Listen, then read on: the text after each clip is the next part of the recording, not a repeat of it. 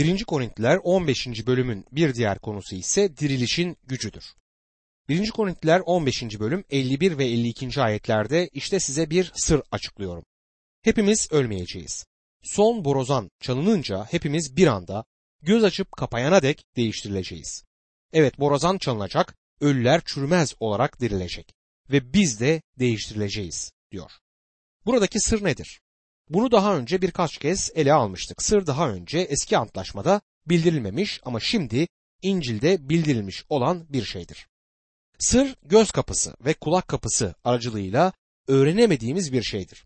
İnsanların kalplerine de girmemiştir. Yani insanın düşünüp oluşturduğu bir şey değildir. Tanrı tarafından bildirilmesi gereken bir gerçektir. İşte size bir sır açıklıyorum. Hepimiz ölmeyeceğiz. Hepimiz ölüm kapısından geçmeyeceğiz, değiştirileceğiz. Ölseniz de ölmeseniz de yine de değiştirileceksiniz dostum. Bazen insanların umarım Mesih geldiğinde ben hayatta olurum. Böylece direkt olarak onun huzuruna giderim dediklerini duyuyorum. Aslında herhangi birimizin onun huzuruna gidebilmeden önce değiştirilmemiz gerekmektedir. Bir anda en kısa zamanda için burada kullanılan sözcük atom sözcüğünü aldığımız en atomo sözcüğüdür. Bilim adamları o küçücük şeye atom adını verdiklerinde büyük bir hata yapmışlardır. Maddenin ufak parçasını bulduklarını sandılar ama şimdi bir atomu bir pasta gibi kesebiliyorlar. Adına keşke bina taşı deselerdi. Bu daha iyiydi. Aslında Simon Petrus maddesel öğelerin yanıp biteceğini söylediği ikinci mektubunda bu sözcüğü kullanmıştır. Ve o bir bilim adamı değil bir balıkçıydı. Ama Tanrı'nın ruhu bilim hakkında bu şeyleri biliyordu. Hepimiz göz açıp kapayana dek değiştirileceğiz diyor. Bu ne kadar sürer? Sadece bir an anlamına geliyor. Bak geliyor ya da İsa burada diyecek zaman bile olmayacak. Son borazan çalınınca bu nedir? Bu onun son çağrısıdır. Borazan onun sesidir. Yuhanna Vahiy kitabında Vahiy 1. bölüm 10 ila 13. ayetlerde bunu şöyle açıklar. Rabbin gününde ruhun etkisinde kalarak arkamda borazan sesine benzer yüksek bir ses işittim. Ses gördüklerini kitaba yaz ve yedi kiliseye yani Efes, İzmir, Bergama, Tiyatira, Sart, Philadelphia ve Laodikya'ya gönder dedi. Bana seslerini görmek için arkama döndüm. Döndüğümde yedi altın kandillik ve bunların ortasında giysileri ayağına kadar uzanan, göğsüne altın kuşak sarılmış, insanoğluna benzer birini gördüm diyor. Öyleyse son borazan çalınınca sözü Rab İsa'nın sesidir. İnsanlığa son çağrısında ölüleri yaşama çağıracaktır. Lazar dışarı çık dedi. Bir gün bana diyecek ki dışarı çık. Ve her birinizi de adınızla çağıracaktır.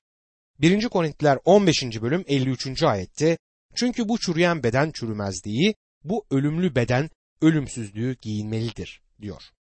Giyinmelidir sözüne dikkat edin. Bu vurgulanan bir sözdür. Cennete şimdi olduğumuz şekilde gidemeyiz. Cennete sahip olduğumuz eski bedenlerle gidemeyiz. Orada gerçekten olan şeyleri göremeyiz ve müziği de duyamayız. Bedenlerimiz oldukça sınırlıdır. Cennet açısından neredeyse sağır ve körüz. Yeryüzünde bile gerçekten görebileceğimiz şeyler ve gerçekten duyabileceğimiz seslerin çok ufak bir kısmını görüp duyabiliyoruz. Bu eski bedenlerle cennete gitseydik olup bitenlerin büyük bir bölümünü kaçırırdık. Ve dostum ben oraya gittiğimde hiçbir şey kaçırmak istemiyorum. Bu yüzden yeni bir bedene ihtiyacım olacak. Bu çürüyen çürümezliği ve bu ölümlü ölümsüzlüğü giymelidir. 1. Korintiler 15. bölüm 54. ayette çürüyen ve ölümlü beden çürümezliği ve ölümsüzlüğü giyinince ölüm yok edildi, zafer kazanıldı diye yazılmış olan söz yerine gelecektir diyor. İşte bu dirilişin zaferidir. 1. Korintiler 15. bölüm 55. ayetten 57. ayete kadar şöyle devam eder. Ey ölüm zaferin nerede? Ey ölüm dikenin nerede? Ölümün dikeni günahtır. Günah ise gücünü kutsal yasadan alır. Rabbimiz İsa Mesih aracılığıyla bizi zafere ulaştıran Tanrı'ya şükürler olsun diyor. Bir kutsal kitap öğretmeninin Tanrı ölümün dikenini çıkarttığı için artık onun iğnesi çıkarılmış bir arı gibi olduğunu söylediğini duymuştum.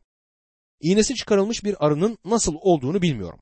Her arıyı durdurup özür dilerim. İğnen var mı diye soramam. Bu yüzden her arıdan korkuyorum. Ölüm dikenini kaybetmiştir çünkü bizim ölümün ötesine bakmamız gerekmektedir. Kapısı bize sonsuzluğun geniş alanlarını açar. Zamanın değil sonsuzluğun kapısından başlar ama o kapıdan geçmeyi sevmem. Ey mezar, zaferin nerede? Mezar kazanmış gibi görünmektedir. Birçok insan başarılı iş adamları olmuşlar ancak ölüm sonunda onları yenmiştir. Birçok politikacı yüksek yerlere hatta cumhurbaşkanlığına seçilir ama sonra görevdeyken ölür. En yüksek mevkilere erişirler ama ölüm üzerlerine gelip zafer kazanır. Ölüm korkunç bir canavardır ancak Mesih o yoldan geçmiştir. Antlaşma sandığı Ürdün nehrinden karşı tarafa geçtiği gibi Mesih de benim için ölüm sularından geçmiştir ve bana ben senin çobanınım. Sana sadece bu hayatta yol göstermekle kalmayacağım. Ölümün derin sularında da sana kılavuz olacağım ve seni sonsuzluğa götüreceğim demektedir. Bu yüzden ben küçük bir çocuk gibi korkarım ama elimi onun çiviyle delinmiş eline teslim edeceğim. Ve o beni karşı tarafa götürecek. Ey mezar, zaferin nerede? Ölümün dikeni günahtır. Gerçek diken günahtır. Günah ise gücünü kutsal yasadan alır. Yasa bizlere günahkarlar olduğumuzu gösteren aynadır.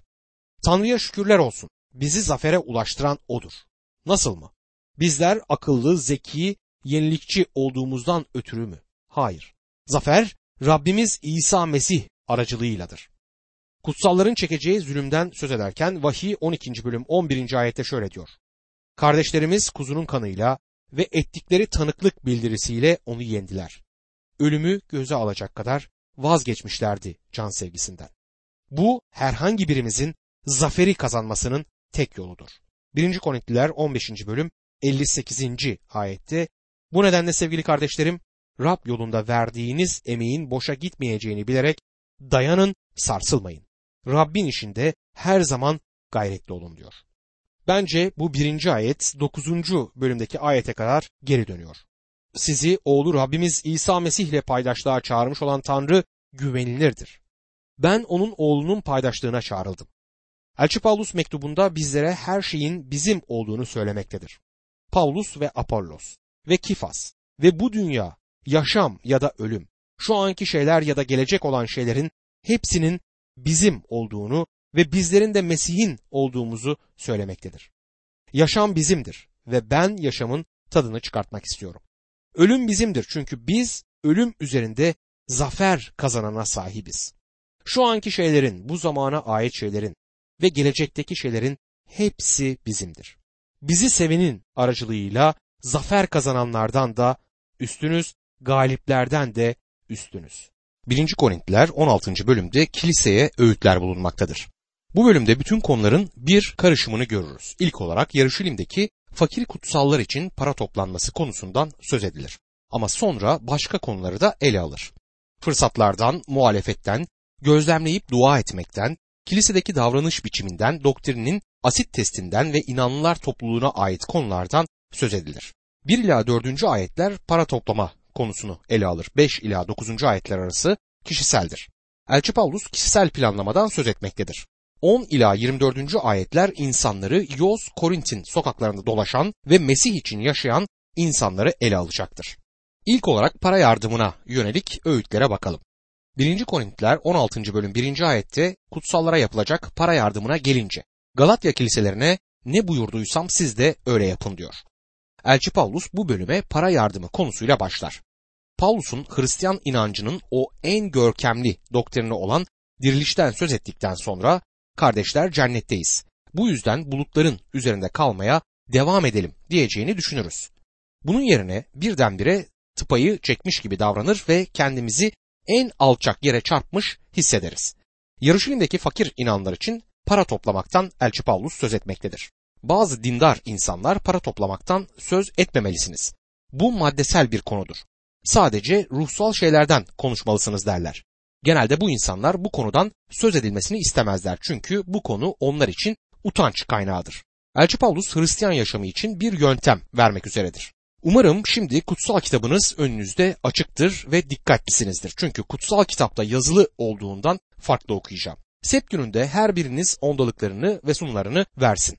Böylece yanınıza geldiğim zaman para toplamaya gerek kalmasın. Oraya geldiğimde özel olarak para toplamalıyız. Birisi çıkıp ama öyle yazmıyordu diyecektir. Hayır öyle yazmıyordu ama günümüzde sık sık çevrildiği şekilde okudum. Şimdi ise Paulus'un yazdığı şekliyle okuyayım. 1. Korintiler 16. bölüm 2. ayette Haftanın ilk günü herkes kazancına göre bir miktar para ayırıp biriktirsin. Öyle ki yanınıza geldiğimde para toplamaya gerek kalmasın diyor. Haftanın ilk günü sözü haftanın ilk günü tapınmak için bir araya gelmiyorsanız o zaman tapınmanızın bir bölümü olan sunularınızı sunmak için o gün bir araya gelmek istiyorsunuzdur. Tabii ki bu gülünçtür. Haftanın ilk günü sunularınızı getirmenizi söylediğinde bu inanlar topluluğunun Rab İsa'yı ölümü ve dirilişinde anmak için bir araya geldiği gündür. İsa Mesih pazar günü olan haftanın ilk günü ölümden dirilmişti ki pazar günü sept günü değildi. Her biriniz haftanın ilk günü kazancına göre bir miktar parayı alıkoyup biriktirsin diyor. Burada ondalıklar ve sunular hakkında hiçbir şey söylenmez. Sunularını Tanrı'nın kendilerine verdiği kazanca göre bir kenara ayırmalarını söyler. Değerli yorumcu Doktor Vernon Maggie diyor ki Teksas'ta bir kilisenin vaizini yaparken yardımcılarımdan birinin birkaç Coca-Cola fabrikası vardı ve bunlardan biri bizim kasabamızdaydı. Adam zengindi, büyük bir çiftliği vardı. Oraya avlanmaya ve balık tutmaya giderdik. Bana sık sık neden ondalıklar konusunda vaaz etmediğimi sorardı. Bir gün ona neden ondalıklar konusunda vaaz edeyim ki dedim. Çünkü kutsal kitapta bildirilen verme yoludur dedi. Evet eski antlaşmadaki verme biçimiydi ama İncil'de verme biçiminin ondalıklar olduğuna inanmıyorum dedim. Peki nasıl olması gerektiğine inanıyorsun diye sordum. Bunun üzerine ona Tanrı'nın ona verdiği kazanca göre diyen bu ayeti gösterdim. Bunun üzerine ona tuhaf bir nedenden ötürü Coca-Cola satış yapıyor ve sen zenginsin. Ancak kilisemizde şu anda ondalık veremeyecek durumda olan bazı insanlar var. Tanrı'nın onlardan gelirlerinin yüzde onunu vermelerini istediğini sanmıyorum. Zengin olan birkaç kişi var ve onların da kazançlarına göre vermeleri ve işi ondalık da bırakmamaları gerekmektedir. Belki de gelirlerinin yarısını vermeleri gerektedir. Bu adamın bir daha asla ondalık konusunda vaaz etmemi önermediğini bilmenizi isterim.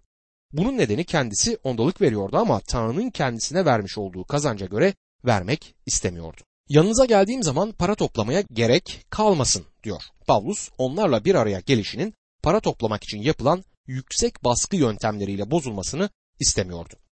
Benim zamanımda benim bazen yeni inanlarla sarf ettiğim zaman kadar sunular konusuna da eğilmem gerekiyordu. Elçi Paulus bizlere sunuların nasıl toplanması gerektiğini söyler.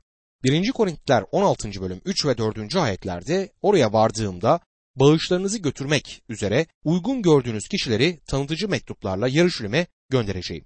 Benim de gitmeme değerse onları yanıma alıp gideceğim diyor. Elçi Paulus onlardan sunuyu kendisiyle birlikte Yarışülim'e götürecek bir komite seçmelerini ister. Sunulardan birden fazla kişinin sorumlu olması iyidir. Sunuyu bir tek kişiye verip ona teslim etmek tehlikeli bir konudur. Bu adam inanlıysa onun dürüstlüğü hakkında bir şüphe olduğu anlamında mıdır bu? Olabilir. Adam dürüst olsa bile burada bir ayartılma söz konusu olacaktır. Elçi Paulus sunuyu ele alma konusunda en iyi yolu gösterir. İş dünyasında kullanılan yöntemleri kullanır. Elçi Paulus burada onların bağışlarından söz eder. Hristiyan dünyasındaki para vermeler hakkında kullanılan sözcüklere dikkat etmek ilginçtir. Burada çaharis ya da bağışlardan söz eder.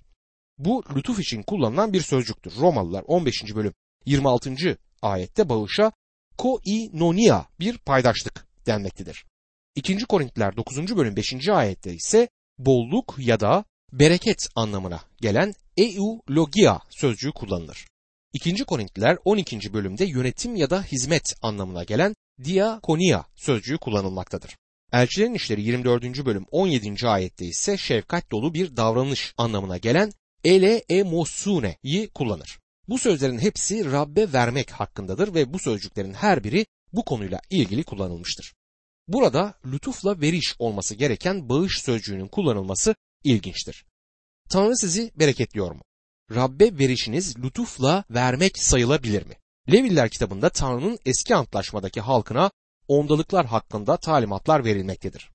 İsrail ulusu başlangıçta teokrasiyle yönetiliyordu ve İsraillerin vermesi gereken ondalıklar hem hükümeti ve hem de tapınağı desteklemekteydi. Toplam gelirlerinin yüzde otuzu kadarını verirlerdi. Bu bizlere İsrail'in eski antlaşmada yasa altında ne kadar verdiklerini gösterir. Lütuf altında veriş sizce ne kadar olmalıdır?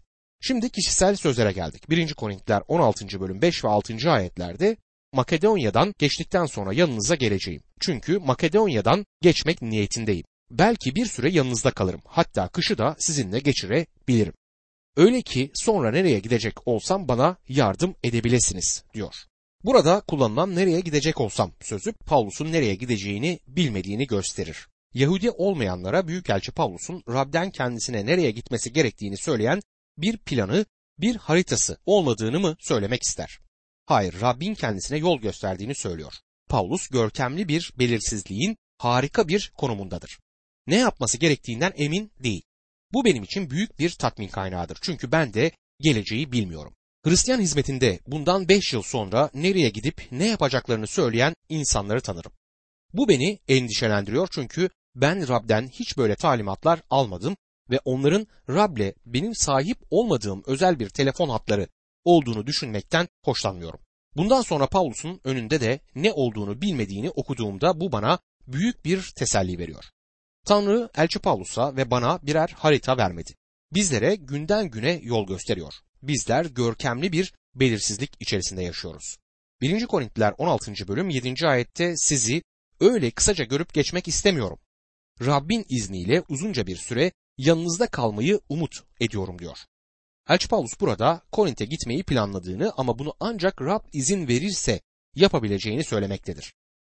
Tabii ki planlar yapmalıyız ama bu planlar Tanrı'nın isteğine uyabilmelidir. Onları değiştirmeye razı olmalıyız. Durumları değiştirmeye razı olmalıyız. Elçi Paulus hizmet yolculuğuna başladığında değiştirilemez bir planı yoktu. Rab onu yönelttiği şekilde o hareket etti. Elçilerin İşleri kitabında Rabbin ikinci hizmet yolculuğunda onu yolundan geri çevirdiğini okuyoruz. Elçi Paulus Anadolu'ya gidiyordu ve Tanrı'nın ruhu onu Avrupa'ya gönderdi. Avrupa'ya gideceğini bilmiyordu. Avrupa vizesi yoktu ama o zamanlarda vizeye ihtiyaçları yoktu. Kutsal ruhun onu götürdüğü yere gitti. Ama Pentekost gününe dek Efes'te kalacağım diyor 1. Korintiler 16. bölüm 8. ayette. Bu onun planıydı. 1. Korintiler 16. bölüm 9. ayette ise çünkü büyük ve etkili işler yapmam için burada bana bir kapı açıldı. Ne var ki bana karşı çıkanlar çoktur diyor. Bu vahide Mesih'in Philadelphia'daki topluluğa söylediği açtığını kimsenin kapamadığı sözlerle birlikte koyduğum harikulade bir ayettir.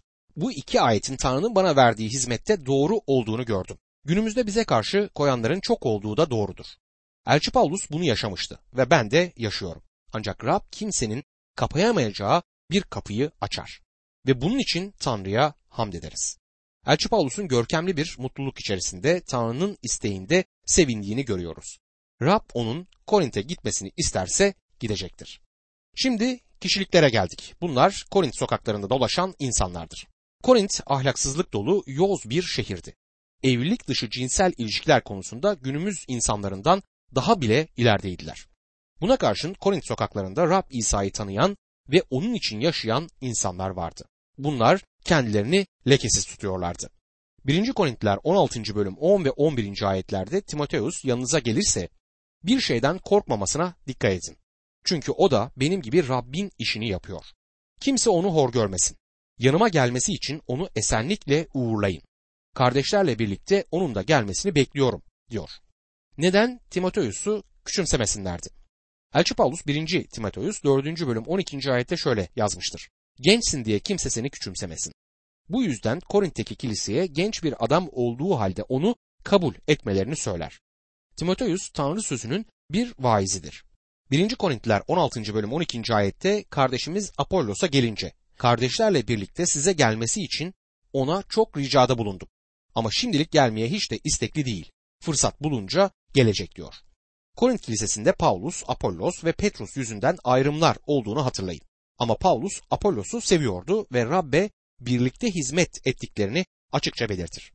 Apollos'un bir süre sonra gelip kendilerini ziyaret edeceği hakkında onlara güvence verir. 1. Korintiler 16. bölüm 13 ve 14. ayetlerde uyanık kalın. İmanda dimdik durun, mert ve güçlü olun. Her şeyi sevgiyle yapın diyor. Bunlar günümüzde bizlere çok uygun sözlerdir.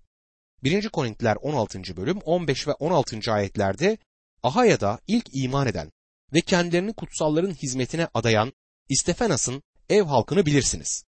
Kardeşler size yalvarırım. Bu gibilere ve onlarla birlikte çalışıp emek verenlerin hepsine bağımlı olun. Bağımlı olmak sözünü okuduğumuzda aklımıza hemen uyuşturucu bağımlılığı gelir. Ama bu insanlar kutsallara hizmet etmeye bağımlı olmuşlardı. Bu harika bir hizmettir. Korintlilere kendilerini onlara hizmet etmeye gelenlere teslim etmeye teşvik eder Elçi Paulus. 1. Korintliler 16. bölüm 17. ayette ise İstefenas, Fortunatus ve Ahaykos'un gelişine sevindim. Yokluğunuzu bana unutturdular diyor. Bunlar herhalde mektubu Paulus'tan kendilerine getiren kişilerdi. Elçi Paulus Korint'teki bu Hristiyanların bütün kiliseye değer harika insanlar olduklarını söylüyordu. 1. Korintliler 16. bölüm 18. ayette sizin ruhunuzu da benim ruhumu da ferahlattılar. Böylelerinin değerini bilin diyor. Paulus geldikleri zaman onlara teşekkür etmelerini söyler. 1. Korintliler 16. bölüm 19. ayette ise Asya ilindeki kiliseler size selam eder. Akvila ve Priska evlerinde buluşan toplulukla birlikte Rab'de size çok selam ederler diyor. Bu insanların birçoğu Mesih'i burada tanımışlardı. 1. Korintliler 16. bölüm 20. ayette ise buradaki bütün kardeşlerin size selamı var. Birbirinizi kutsal öpüşle selamlayın demektedir. Bu öpüşmek için bir izin midir? Kesinlikle öyle. Tabii ki eğer kutsal bir öpüşse. Öpüşlerin çoğu değildir. 1. Korintiler 16. bölüm 21. ayette ise ben Pavlus bu selamı kendi elimle yazıyorum der. Elçi Pavlus bu mektubu dikte ettirmiş sonra da imzalamıştır. Rabbi sevmeyene lanet olsun Maranata diyor 1. Korintiler 16. bölüm 22. ayette. Rabbi İsa Simon Petrus'a beni seviyor musun diye sormuştu. Petrus'a kendisini inkar edip etmeyeceğini sormadı. Sadece beni seviyor musun diye sordu. Bugün de bu aynı test uygulanmalıdır. Onu seviyor musunuz? Lanet olarak geçen sözcük başka metinlerde anathema olarak geçer ki lanet anlamına gelir. Paulus Rabbi sevmeyene lanet olsun diyor ve ekliyor Maranata yani Rabbimiz geliyor. 1. Korintiler 16. bölüm 23 ve 24. ayetlerde ise Rab İsa'nın lütfu sizinle birlikte olsun. Hepinize Mesih İsa'da sevgiler amin diyerek bitiriyor. Rab İsa'yı seviyorsanız kutsalları seversiniz. Mektup sevgiyi vurgulayarak son bulur.